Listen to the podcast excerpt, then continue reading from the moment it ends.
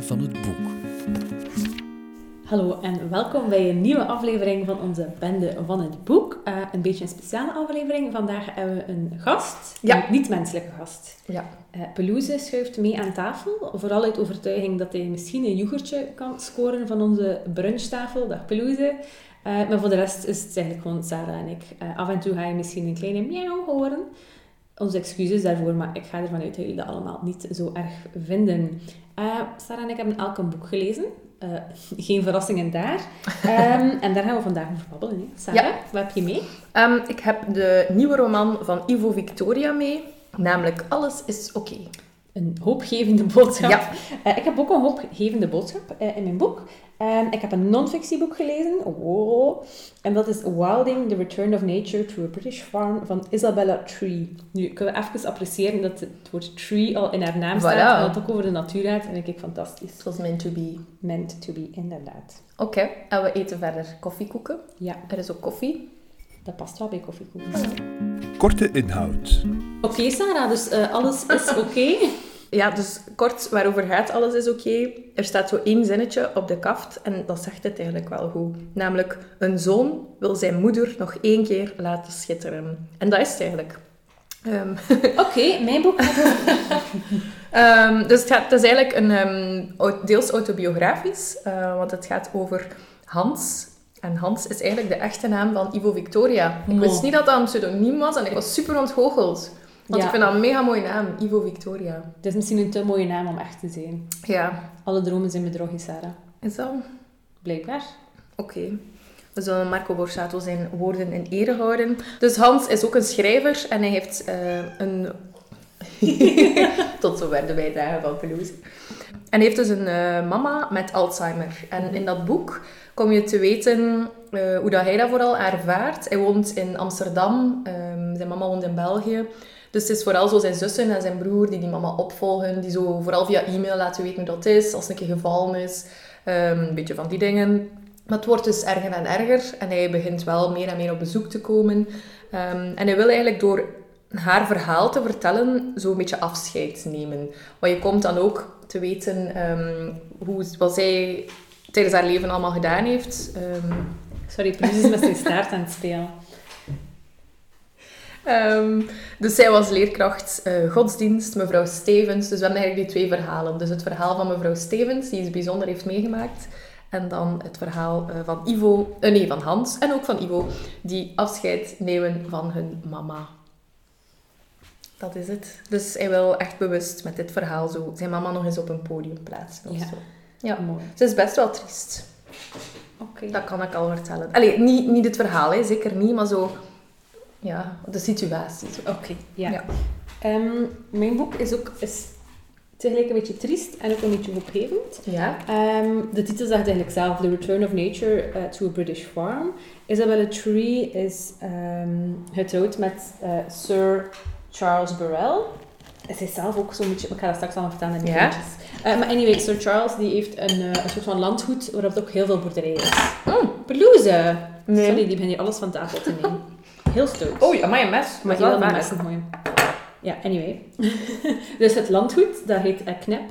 Dus het kasteel met een landgoed er rond. En een groot deel daarvan is eigenlijk... Um, wordt nu gebruikt voor landbouw. Vroeger niet. Vroeger waren dat gewoon allemaal parken en zo. Maar in de Tweede Wereldoorlog is heel veel omgezet naar landbouwgrond. Omdat er ook gewoon landbouwgrond nodig was.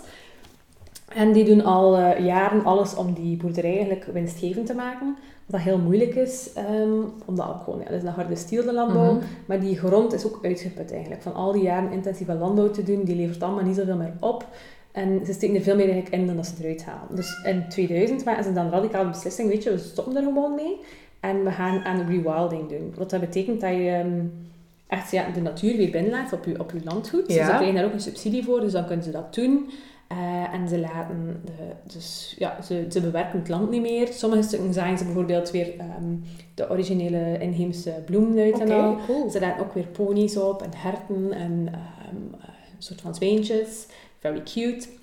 En het gaat er echt over hoe dat, hoe dat, dat land dan weer verandert. Het gaat over uh, ja, de uitdaging dat ze, dat ze een beetje mee te maken krijgen. Want Mhm. heel veel mensen vinden zoiets van, ja, oeh, ze laten hier nu al die braamstruiken staan, dat is toch niet schoon. Is dat echt zo van die, ja, van dat, maar dan ook heel de bureaucratie, want ja, Ze hebben wel geen inkomsten meer, behalve die subsidie. En dan moeten ze Mm. bijvoorbeeld zorgen dat ze wel een, een ander statuut krijgen. Ze gaan ook op bezoek in, in het buitenland bij verschillende dingen. Van hoe doen ze daar aan rewilding? Mhm. Het is echt heel interessant om te lezen.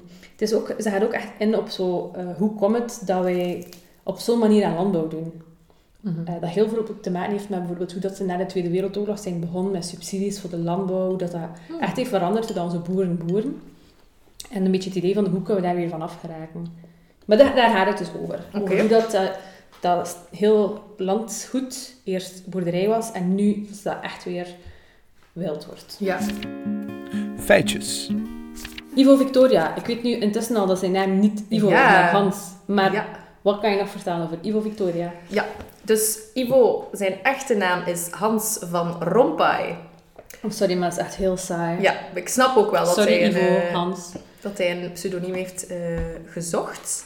Hij is geboren in 1971 en hij is vooral eerst als muzikant aan het werk geweest. Dat wist ik niet. Mhm. Ehm, en zijn mama is in het echt ook een lerares, dus net zoals in, eh, in de roman. En hij is ook, net zoals Hans in de roman, eh, zelf naar Amsterdam verhuisd. Hij heeft al een aantal romans geschreven, eh, die zijn ook altijd goed onthaald. In 2009 geloof ik was zijn eerste echte roman, Hoe ik nimmer de Ronde van Frankrijk voor min 12-jarigen won en dat het me spijt. Misschien zegt je dat wel iets. Mhm. Dan zelf heb ik eh, zijn roman uit 2011 gelezen, Gelukkig zijn we machteloos.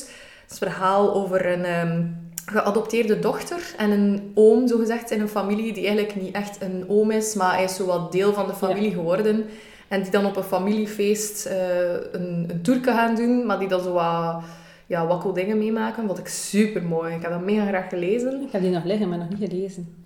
En daarnaast is hij vooral ja, column, hoe zeg je dat? columnist. Hij schrijft in de morgen eh, nog altijd. Hij schrijft muziektheater. Misschien kennen sommige mensen nog eh, Geen Pijn of wat dan ook. Met Eva Mouton heeft hij dat... ehm Allee, Eva Mouton maakte uiteraard illustraties.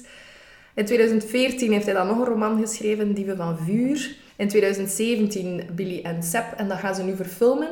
Eh, dat gaat zo wat over... ehm, zo wat, ja, rebellende... re- nee, rebellende... Rebellerende. Zo eh, tieners met zo wat, ja, die zo wat onschuldige dingen doen, maar dan loopt het wel uit de hand. Hij heeft ook wel wat prijzen gewonnen. Hij heeft ook met eh, Gelukkig zijn we machteloos en Billy en Sep stond hij op de shortlist en de longlist van de Libris Literatuurprijs. En wat ik ook leuk vond, hij heeft dus zelf een weblog. En ehm, daar heeft hij ook al prijzen voor gekregen. Amai, ik kijk mij heel intens aan. Ja, Beloes en Sarah hebben een momentje. Oei, nee, het is doorbroken. Dus hij heeft dus een eigen website waar dat hij een soort dagboek bijhoudt. Mhm. En dat is een mengeling van zo feit en fictie. Ehm, en je weet soms niet... Wacht, is dat hier nu echt? Of is dat hier nu... Want zijn columns dat hij schrijft voor de morgen staan daar zo ook op. Dus het is zo... Hmm, wat is dat hier nu? Het is ook heel mooi vormgegeven. Eh, dus het is een beetje een, een, eh, ja, een, een duizendpoot. Oké. En dat vind ik wel fijn aan mensen. Oké, ehm, naast het feit dat Isabella Tree een super toepasselijke familienaam heeft voor haar boek, wat weet je nog over deze mevrouw? Ehm, het is een Engelse. Ze is geboren in 1964. En eh, ze is, eh, toen als ze zes weken oud was, is ze geadopteerd. Wauw. Ja, door een rijke meneer. En ze, haar, haar adoptieve moeder was dan een lady blablabla. Dus ze kon dat wel nog fancy. Ze is ook opgegroeid in een kasteel. Cool. Ja. Eh, en ze is getrouwd met Sir Charles Burrell, die dan ook in een kasteel woont. Het is dan een knap castle met dan een landgoed rond. Oké. Dus ik had zoiets van, oh, ze is geadopteerd. En dan dacht ik, oh my god, ze is geadopteerd in een binnenrijk gezin. En toen ben ik Sir, what up? Ehm haar Wikipedia-pagina staat open en dan onderaan heb je zo categories, zo, waarin in Ja. welke categorie dat ze voorkomt. Ik ga die een keer voorlezen, want ik vind het hilarisch. Eh, 1964 births, dus ja, dus ze woont in 64. Ja. Living people, oké.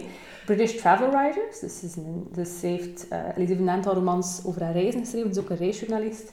Ehm, British women writers, het is een vrouw. Wives of baronets. Oké, dat is echt Dus een dat eh, is allemaal. Dat vond het zo een beetje Hmm. samen. Ook hilarisch welke categorieën dat er bestaan op Wikipedia. Eh, haar debuut was in 1991 met The Birdman. Dat is over een Victoriaanse ornitholoog. Eh, John Gold heet die. Dus je hebt wel zo'n beetje... Je hebt enerzijds de thema's van haar reizen, maar dan Ja. ook zo wel de natuur en dan Ja, ja, op ja. terug. Ehm, ja. En dat is zo. Ze, twee, ze heeft twee kinderen met de Charles. En ja... Eh, het ding is, alles wat ik over haar vertel, gaat eigenlijk ook over de roman. Oké. Eh, niet voor de roman, over het boek. Het is Ja. geen roman. maar je ziet wel, allee, dus dat is een boek, dat is non-fictie en het gaat over iets, ja, natuur en ook soms een klein beetje, be- beetje wetenschappelijk, maar het is wel super goed geschreven. Het is echt ook wel, dus de women writers, het is niet gewoon iemand die, weet wel, Ja, die een rewilding heeft gedaan Ja, en daar dan een keer over schrijft. Ze Ja. is echt wel een auteur, ze heeft heel veel andere dingen geschreven en dan nu gaat het over haar eigen project, waar dat ze toch wel twintig jaar mee bezig zijn. Inspiratie. Zo, ik had dat gezien eh, op Instagram bij iemand en ik dacht, oh, dat klinkt wel als een interessant boek. Ehm, niet iets dat ik per se anders zou opnemen, maar dan zag ik het toen op mijn waren liggen in de winkel en ik dacht, ja, this is a sign, hè. Dit moet ik hier kopen. en dan heb ik dat gedaan. Ik heb eh, Ivo Victoria eh, hebben wij gekregen. Van de lieve Eh, mensen bij Lebowski Publishers. ja, inderdaad. Die hebben wel mooie boeken, hè. Ja. En ik was ook wel sowieso fan van Ivo Victoria, dus ben wel blij dat ik het heb mogen lezen. Dus dankjewel, Lebowski. En Emily van En Lebowski. Emily. Alrighty. Dieper graven. Alles is oké gaat dus over Hans, de schrijver, en zijn ehm, mama met Alzheimer. En haar verhaal dus als leerkracht godsdienst, mevrouw Stevens, eh, toen ze eh, jong was. Hij vertelt zelf in het boek waarom hij het geschreven heeft. Eh, dus het is wel, hij spreekt zo wat... Het is niet dat hij echt de, lezer toespreekt van... Ik ga het hier nu een keer vertellen. Maar soms is meer zo een gedachte bij zichzelf van... ehm, ja, eigenlijk moet ik dat gewoon nu doen. Onder, er staat ergens een quote dat geen enkel leven is zinvol zonder onredelijke tegenstander. Meestal creëren mensen die zelf. En dat is een beetje de, de, de verbinding tussen die twee verhalen. Dus in het ene verhaal is die, die vijand of die tegenstander Alzheimer voor zijn mama. En dan als de jonge mevrouw Stevens is de vijand, tussen haakjes, eh, haar schooldirecteur. Want al snel blijkt dat die schooldirecteur en, of de, de ouders van die schooldirecteur en de ouders van mevrouw Stevens tijdens de Tweede Wereldoorlog dat er daar iets gebeurd is. Dus je hoort, eh, je hoort, je leest, eh, heel vaak zo wat flarden van in die Tweede Wereldoorlog, die dan ook door ehm, zijn mama nu en dan worden verteld. En je voelt ook dat hij niet meer goed weet, is het nu werkelijk, of, of dat klopt toch niet meer wat hij al heeft verteld ooit. Ehm, maar er moet iets gebeurd zijn. En ik dacht heel lang dat, dat je het zou te weten komen, maar eigenlijk niet. En het stoort totaal niet. Je weet gewoon dat zij als klein meisje een bepaalde boodschap heeft gebracht naar de visser of de viswinkel. En dat er daardoor iets gebeurd is dat vrij belangrijk is geweest. Eh, maar meer weet je eigenlijk niet. En eigenlijk is dat wel leuk dat dat zo wat een, eh, een mysterie eh, is gebleven. Ehm, het is dus een boek dat heel dicht bij hem of bij zijn eigen leven aanleunt. Het gaat echt over, over zijn mama. En hij heeft het vooral gedaan uit een soort angst om zijn moeder letterlijk uit hem te verliezen. Ik vond dat wel mooi, want als je nog iemand bij je hebt en je weet, oei, allee, bijvoorbeeld van mijn opa was ook duidelijk, die, die gaan hier niet meer zo lang ehm, rondlopen, dat je dan als reflex hebt van, ik wil, die, ik wil zijn verhaal, of, of nu, allee, haar verhaal, nu nog schrijven, nu dat ik nog dingen kan vragen, omdat hij haar zo lang mogelijk wil ja, bewaren, dat klinkt wel slecht, maar dat is het wel een beetje. Eh, dus hij wil zo ook haar verhaal vertellen omdat hij zich een beetje schuldig voelt. Omdat hij naar Amsterdam is verhuisd, de laatste jaren ook niet zo vaak op bezoek is geweest. Dus hij wil zo ja, een beetje ja, een schuld eh, lossen, of hoe zeg je dat? Ja, Pelouse, ik weet het. het is Gemeester. en ik had daar een klein stukje over. Ooit hoorde ik een verhaal over de Amerikaanse dichteres Ruth Stone, die beweerde dat toen ze opgroeide als boerendochter in West Virginia, ze soms op het veld aan het werk was wanneer ze in de verte letterlijk een gedicht aan kon voelen, voelen komen, als een stormwind die de aarde onder haar voeten deed trillen. Op zo'n moment was het een kwestie van rennen naar de boerderij, zo snel ze kon, achterna gezeten door dat gedicht, in een poging tijdig pen en papier te bereiken. Als dat lukte, kon ze de versregels, terwijl ze door haar lichaam heen raasden, één voor één bij de lurven vatten en opschrijven. Maar als het te laat was, haalde het gedicht haar in en denderde dwars door haar heen en verder over het land op zoek naar een andere dichter. Zo gebeurde het op een dag dat het gedicht haar al bijna had verlaten toen ze pen en papier bereikte. Ze kon het nog net bij de staart grijpen en terug haar lichaam intrekken met de ene hand, terwijl ze met de andere hand begon te schrijven en het gedicht verscheen op papier, geheel intact, maar achterstevoren opgeschreven, van het laatste woord naar het eerste. Dat was wat ik mijn moeder en mezelf toewenste. Dat er zich in ons gesprek een prachtig poëtisch verschijnsel manifesteerde, een mysterie waarmee wij tot in lengte van dagen menig familiefeestje konden opluisteren. Dit was niet het geval. Dus het is eigenlijk al, Oh. het is al te laat. Ze, ze... Dat is wel heel mooi gezegd. Ja, hè? En dat, dat is echt wel wat ik heel vaak had, dat ik dacht, oh, my, dat is gewoon gezegd. Dus eigenlijk is het zijn doel om zijn mama te behoeden voor de ja, vergetelheid. Want hij zegt, verhalen leven langer dan mensen. Eh, ik had daar nog één fragmentje over. Eh, dus ja, pas nu ze vervaagt, doemt ze op. Pas nu er niets meer aan te doen is, openbaren zich onvermoede mogelijkheden. Alles wordt verklaarbaar en kan kloppend worden gemaakt. Ik heb een volmacht, niet alleen om haar bankzaken te regelen, dus nood zelfs haar huis te verkopen, maar ook om haar hele leven vorm te geven in een verhaal dat iedereen zal troosten, alleen haar niet. Een verhaal dat alles de moeite waard maakt voor mij. Dus dat zegt hij wel van dat hij het eigenlijk voor zichzelf doet en niet meer voor zijn mama, want eigenlijk is het al te ver om er eh, nog iets eh, aan te hebben. Dus het gaat, het, gaat, gaat wel vaak over dat, dat gevoel van hem, van die, dat hij voelt dat zijn mama aan het weg hebben is. Ehm, er zijn heel veel situaties dat, je, dat hij het niet letterlijk zegt, maar dat je het wel kan lezen. Bijvoorbeeld bepaalde dialogen. Hij heeft, hij heeft, het, eh, allee, hij heeft het wel door van, amai, dit is echt wel serieus. Dus het gaat over Alzheimer aan de ene kant, dus Mhm. die thematiek daar rond. eh, maar ook over gebroken dromen. Dus mevrouw Stevens, die wou eigenlijk pianiste worden, kon heel mooi piano spelen, maar die mocht niet van haar papa naar het Mhm. conservatorium. Moest leerkracht worden, want indien dit eh, Ja. was dat een, een goed beroep voor een vrouw. Dus het gaat ook over hoe je als kind soms bepaalde dingen moet doen, omdat je ouders eigenlijk iets wilden. Mhm. Omdat zij een bepaalde droom hadden. En blijkbaar heeft ehm, Hans, of de Ivo dus ook, moet een pianoles volgen. Het gaat ook over het feit dat ook Ivo Victoria is anders dan zijn moeder. Zijn moeder is daar blijven wonen. ehm, heeft niet echt een drankprobleem, maar het scheelt eigenlijk niet zoveel. Maar ze drinkt dus vooral omdat ze alleen is. Ze is haar eh, man vrij vroeg verloren. En door die flashbacks ehm, naar mevrouw Stevens merk je wel dat dat echt... Want zij beschrijft die meneer ook altijd als de man die haar graag zag. Ehm, of die zij ook graag zag. Dus nooit zo mijn papa of zo, maar altijd zo geschreven. Dus hij komt nooit helemaal los van zijn mama. Ik vind dat ook wel mooi. Dat ook al kan Is hij een moederboek? Ah, wel, ik denk het... Ja, ja, tuurlijk is het een moederboek. Ja, want, eh, want toen dat ik het aan het lezen was, dacht ik ook... Maar ik ben precies aan de moederboeken bezig eh, dit jaar. Maar het gaat ook over het nut van kunst, over literatuur. Dus het is eigenlijk... Het is zeker niet zo triestig, hoor. Ik wil niet Ja. dat je denkt van... Amai. Ehm, dus het is, het is wel aangrijpend. Maar het is ook soms grappig. Zeker als ze zo iets te veel gedronken heeft. Of dan... Ik herinner mij dat ook van bij mijn opa. Hij mocht geen suiker eten en zo. Maar dan gingen wij zo stiekem een keer een crème gaan eten. Want ja, hij ging dan misschien elf minuten minder lang leven of zo. En dat heb je ook in dat boek. Dus zijn zussen kopen dan zo alcoholvrije wijn. Maar hem drinkt dan toch nog een keer een, een Bergerac mee. En een pakje sigaretten. Dat ze dan zo samen oproken. Dus het zijn, het zijn heel mooie, maar voor ja, aangrijpende kleine dingen.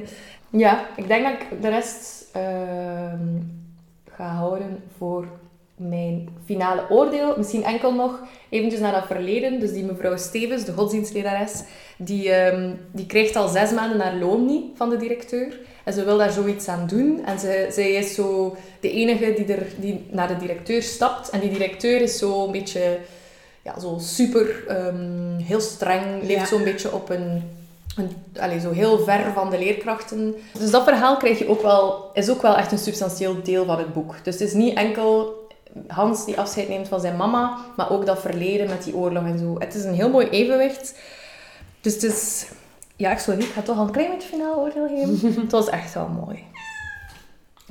voilà, Pelouse is met mij eens. Peluze agrees. Oké. Ja. Dieper graven is echt redelijk letterlijk bij mijn boek. Het begint eigenlijk met een, eh, een soort van eh, chronologie van wat dat er allemaal gebeurd is in, dat, in die in de States. hè. Dat begint bijvoorbeeld, ja, 12th century, eh, wanneer dat de eerste mens daar een kasteel heeft gebouwd. Dan blablabla. Maar dan had het ook ehm, in 2000, eh, sale of dairy herds and farm machinery, arable put out to contract. Dus dat was zeggen, vanaf dan al de machinerie weggedaan, gestopt met, eh, met de melkvee. Dat is eigenlijk begonnen. En dan in 2001 Restoration of the Rep- Repton Park. Dat ze bijvoorbeeld ehm, sommige stukken meer ingezaaid hebben dan al met echt oude grassen en oude bloemen en zo. En dan zie je zo altijd wat er zo verder gebeurt. Dus bijvoorbeeld eh, Introduction of Six X More Ponies. Maar dan ook wanneer dat ze bijvoorbeeld First Turtle Doves recorded at KNEP 2007. Dus zeven jaar nadat ze begonnen zijn met de allemaal rewilden, Mm. is die hun tortel al teruggekeerd. Zodat je zo kunt denken van, ja, dat gaat decennia of eeuwen duren voordat we alles weer oké krijgen. Zie je Mm. dat dat redelijk snel kan gaan. Dus dat is zo. Dus, en je ziet zo ehm, in het begin vooral zo de grote dingen die veranderen. Hè. Dus de ponies komen daar. Ehm, ze zoeken eigenlijk voor heel veel soorten die uit te storten zijn of die niet meer in het wild voorkomen, vervanging. Uh, dus echt, eh, die ponies, maar vroeger gingen dat wilde paarden geweest zijn. Mm. Eh, in plaats van bizons gebruiken dat een soort, een soort heel oud ras eh, van koeien, Cool. of runderen, whatever. Ehm, de herten introduceren ze ook weer. En het gaat er heel hard over hoe dat sommige dieren echt keystone species zijn. Dus bijvoorbeeld door één iets opnieuw te introduceren, pak nu bijvoorbeeld die everzwijn, Ja. gaan er heel veel dingen gebeuren. Want die everzwijn zo vroeten en Ja, alles, ja, ja. is dat super goed voor de grond. Komt er bijvoorbeeld zaden naar boven die anders niet eh, opnieuw ging, eh, tot bloei zijn gekomen Mhm. en zo. Dus dat allemaal. En dat is echt ehm zot als je ziet hoe dat niet één iets is dat je moet doen om alles weer goed te laten komen. Dat heel vaak dat allemaal dingen zijn die samenspelen. Ja. Ja, dus sommige soorten eh, introduceren ze zelf weer in het systeem en andere komen dan vanzelf. Dus bijvoorbeeld doordat die ehm, dieren daar zijn, een bepaalde ding opeten of naar de oppervlakte komen, komen er bijvoorbeeld ook eh, soorten vlinders terug, soorten vleermuizen terug, en vogels. En het is zo'n zot hoe dat er gaat. Bijvoorbeeld, ze zeggen dan echt van, hey, in dat jaar hebben we 20 van die vlinders gespot, in het jaar daarna waren het er 100, het jaar daarna Amai, waren het er snel. 600. Ja, dat gaat mega snel, want dat zijn wel soorten die snel uitbreiden. Ehm, en gaat je ziet ook bovenop dat, dus dat mega mooi over hoe snel die natuur terugkomt, gaan ze ook in op hoe komt het dat het zover is kunnen komen.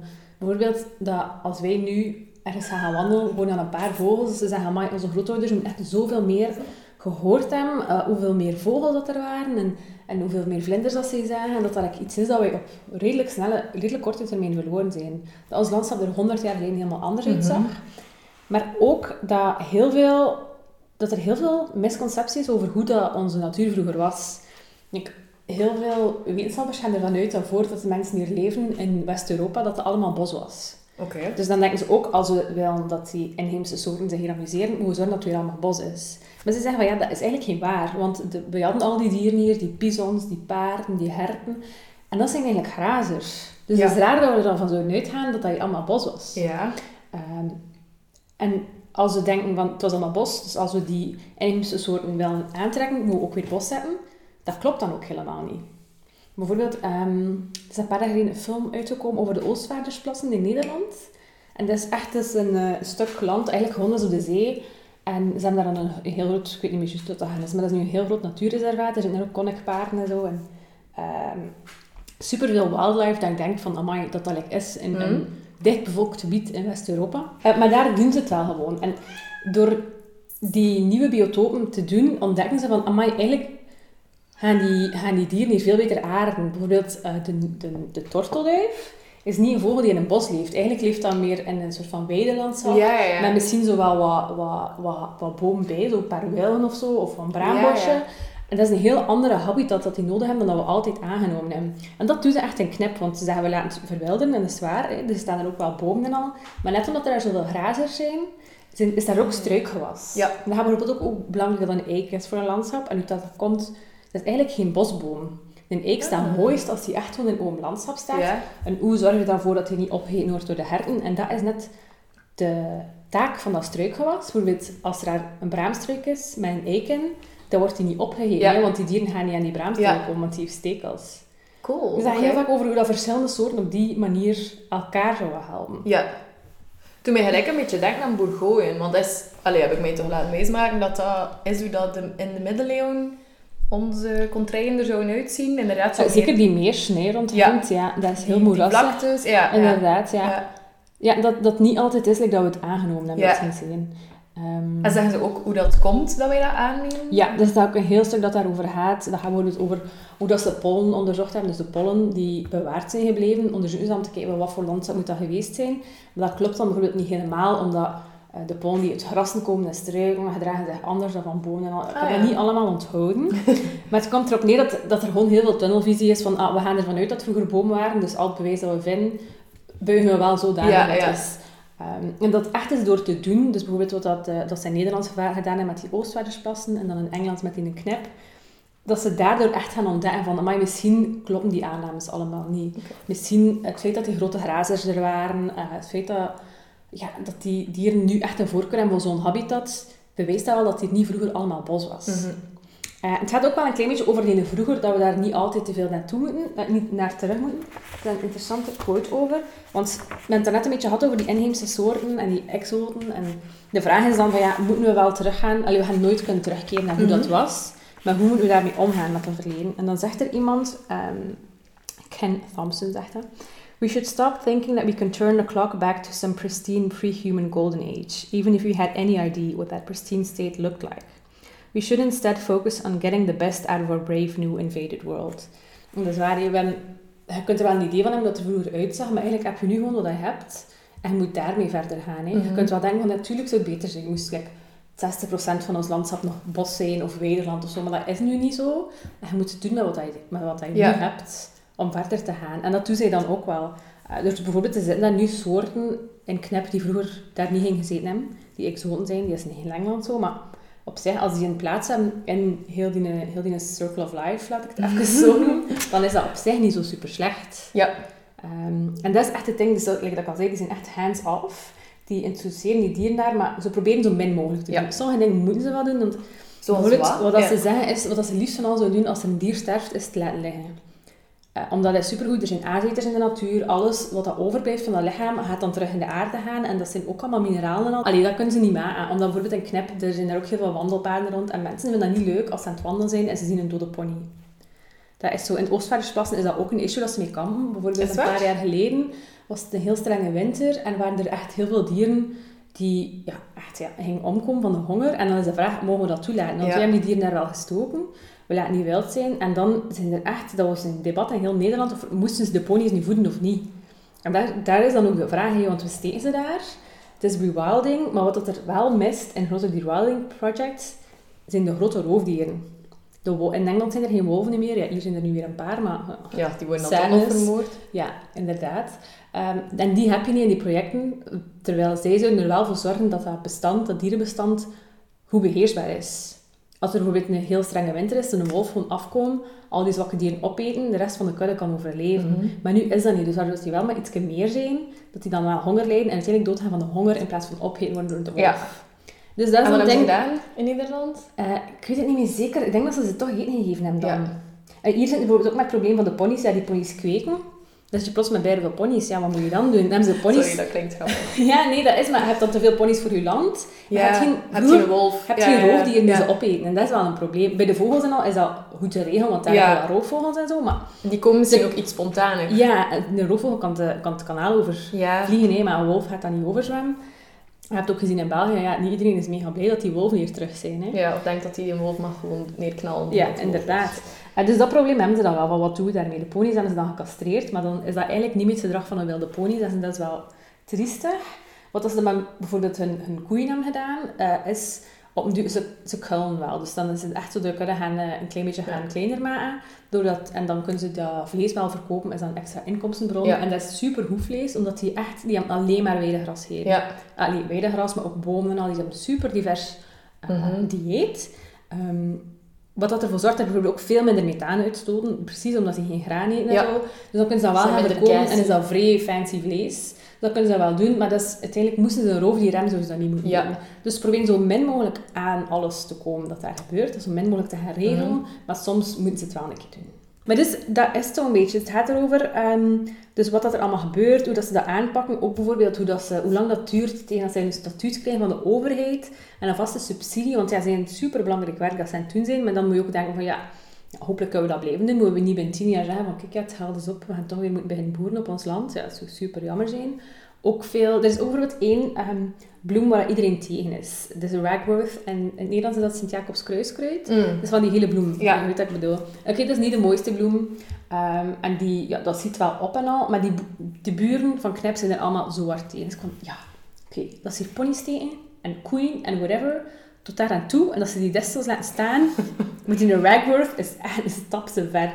Dat zij echt ook bijvoorbeeld moeten handmaten op zoveel meter van de, van de grens van hun land, dus al die een Ragworth gaan uitdoen, omdat mensen bang zijn dat die gaan overspringen op hun land. En dan denk ik, Iedereen is ervan overtuigd dat die dieren, eh, dat, eh, dat als dieren dat eten, dat die daarvan doodgaan. Maar dat is ook niet helemaal waar. Moesten ze daar echt kilo's, kilo's, kilo's alleen maar Sint-Jacobs kruisvrucht eten. Is inderdaad heftig.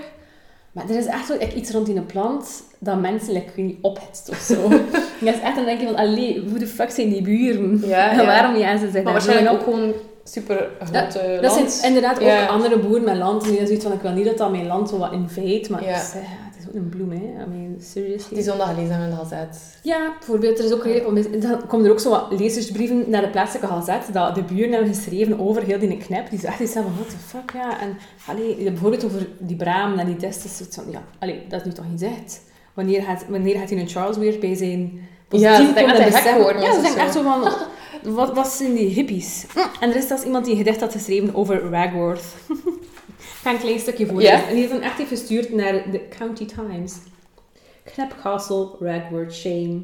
Spread like a plague, and who's to blame? A sea of yellow, such a disgrace. This poisonous weed takes over the place. En ja, en zo helemaal verder, hè. Echt hilarisch. En ook wel Dus eigenlijk hebben die niet zoveel vrienden meer. maar va wel, om duur komt dat wel beter. Ehm, ze hebben ook dan een hele board eh, met zo eh, allemaal wetenschappers Ja. en beleidsmensen die daarin zitten. En dan is dat Oké. wel echt fascinerend als je ziet van wat dat er zo allemaal bij komt. En, allee, dat is echt een super interessant project. hè. Dat is super innovatief. Mhm. Het is een van de eerste die dat doet. Op zo'n grote schaal ook. Dat is Ja. een groot landgoed. Ja. Om te gaan kijken, wat gebeurt er dan? Bijvoorbeeld, Mensen komen dan, eh, wetenschappers komen daar bijvoorbeeld vleermuizen tellen. Ze hebben 15 van de 17 soorten vleermuizen die nog leven in Amai. Engeland, hebben ze daar. Alle vijf soorten uilen die er nog leven, die zijn allemaal naar daar gekomen. Dus allee, dat is echt wel big. Allee, ze zouden dat toch gewoon ook in België moeten doen. Ja, maar waar? En wij geen zo van die grote landen. Alhoewel, die verkopen gewoon hun grond en die houden een... Dat is het probleem, hè. Dat, is bijvoorbeeld ook, dat gaat dan over heel oude bomen. Ik heb dat ook geleerd in mijn les van, van plantenkennis. En het leuke daaraan is, moesten we dat inderdaad hier doen, zou je echt wel een wolf en een links en al Ja. kunnen krijgen. Hè? Want hier moeten ze geen kanaal over zwemmen. Nee, dus ik hoor een kleine oproep om dat hier ook te doen. Wie is er dan de nieuwe minister van Milieu? Finale oordeel. Dus Sarah, ik denk dat ik al weet eh, wat je vond van het boek. Ja. Oké. Ik vond zeker helemaal, ik vond alles oké eraan. nee, ik heb het heel graag gelezen. Ik heb het ook heel snel gelezen, eh, want het leest als een trein. Ja, als je iets moet zeggen over Victoria of over de Hans, dan is het wel dat hij zo'n mooie zinnen kan schrijven. Hij kan zo'n mooie sfeer weergeven. Je zit echt zo bij hem en zijn mama in dat appartement. Je gaat ook mee terug in de tijd van mevrouw Stevens, als ze in de school... Ze hebben een bombardement meegemaakt in de Tweede Wereldoorlog. En haar papa was toen directeur en heeft haar nog op tijd kunnen redden. En ze wordt zo tussen het puin ehm, naar buiten gedragen. En dat is een heel mooie passage die een paar keer terugkomt.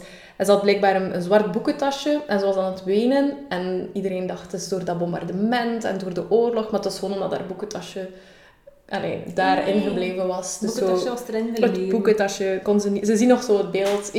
Allee, ik kan het zelf niet goed beschrijven, want ik ben geen schrijver. Maar ik zie echt zo een man die zijn dochter zo half onder het stof wegdraagt. En dat kind dat kijkt aan de kapstok met zo'n bengelend zwart schooltasje aan. Eh, dus ik, ik kan jou zo mooi meenemen in de sfeer die hij wil brengen. Hij heeft ook heel mooie ja, woordkeuzes. Zijn zinnen zijn vaak lang, maar dat geeft niet. Dus ik ben wel echt... eh, ik ben nog een grotere fan geworden van Ivo Victoria dan ervoor. Ik vind het alleen jammer dat het niet zijn achternaam is. Maar dat is, Dat is misschien de dat hè? desillusie van dit boek Ja, dan. ja. ja. Voilà. Alright, cool. Ik ga het misschien ook wel een keer lezen. Ja, ik vind het echt Ja, wel een eh, aanrader. Ik ga misschien gewoon nog het, eh, de, zo de... Ik vind het altijd leuk om Mhm. de quote, eh, de open... Of hoe zijn dat? De, wil even namen, maar het even ja, allee, als je zo je boek open doet, je hebt de praktische info en dan zo de quote die past bij het boek. Pursue one goal your whole life and, it, and make sure it's unattainable. Een quote van Henry Moore. En dat past wel. Want je leest dat dan als eerste en dan denk je, oh ja, oké. Maar dan moet je het eigenlijk nog eens lezen na het boek. Ja, hè?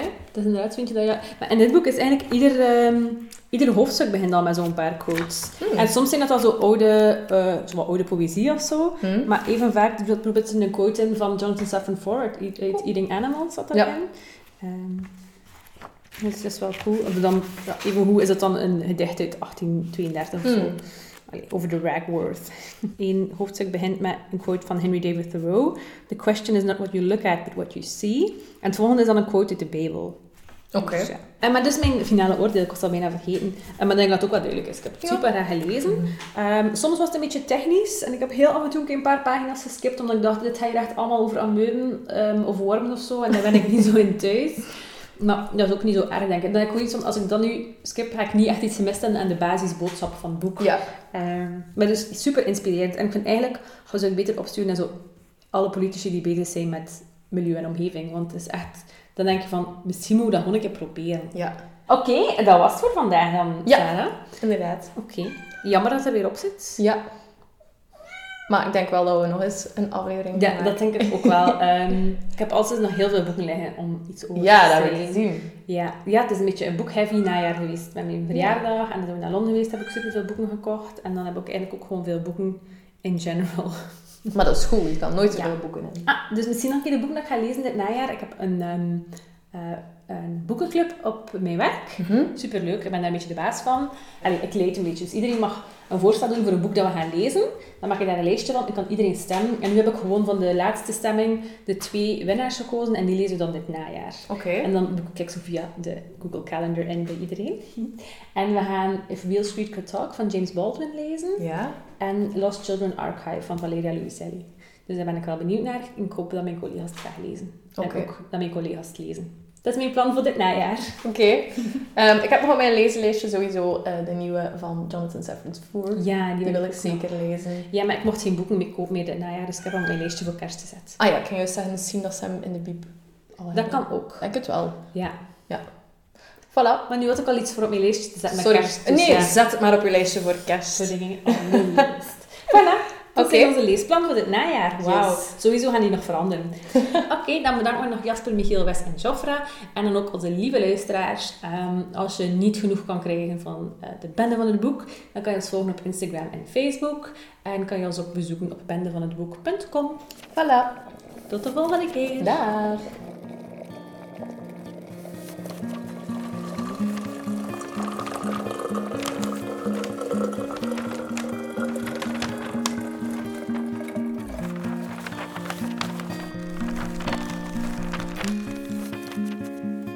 Van het boek.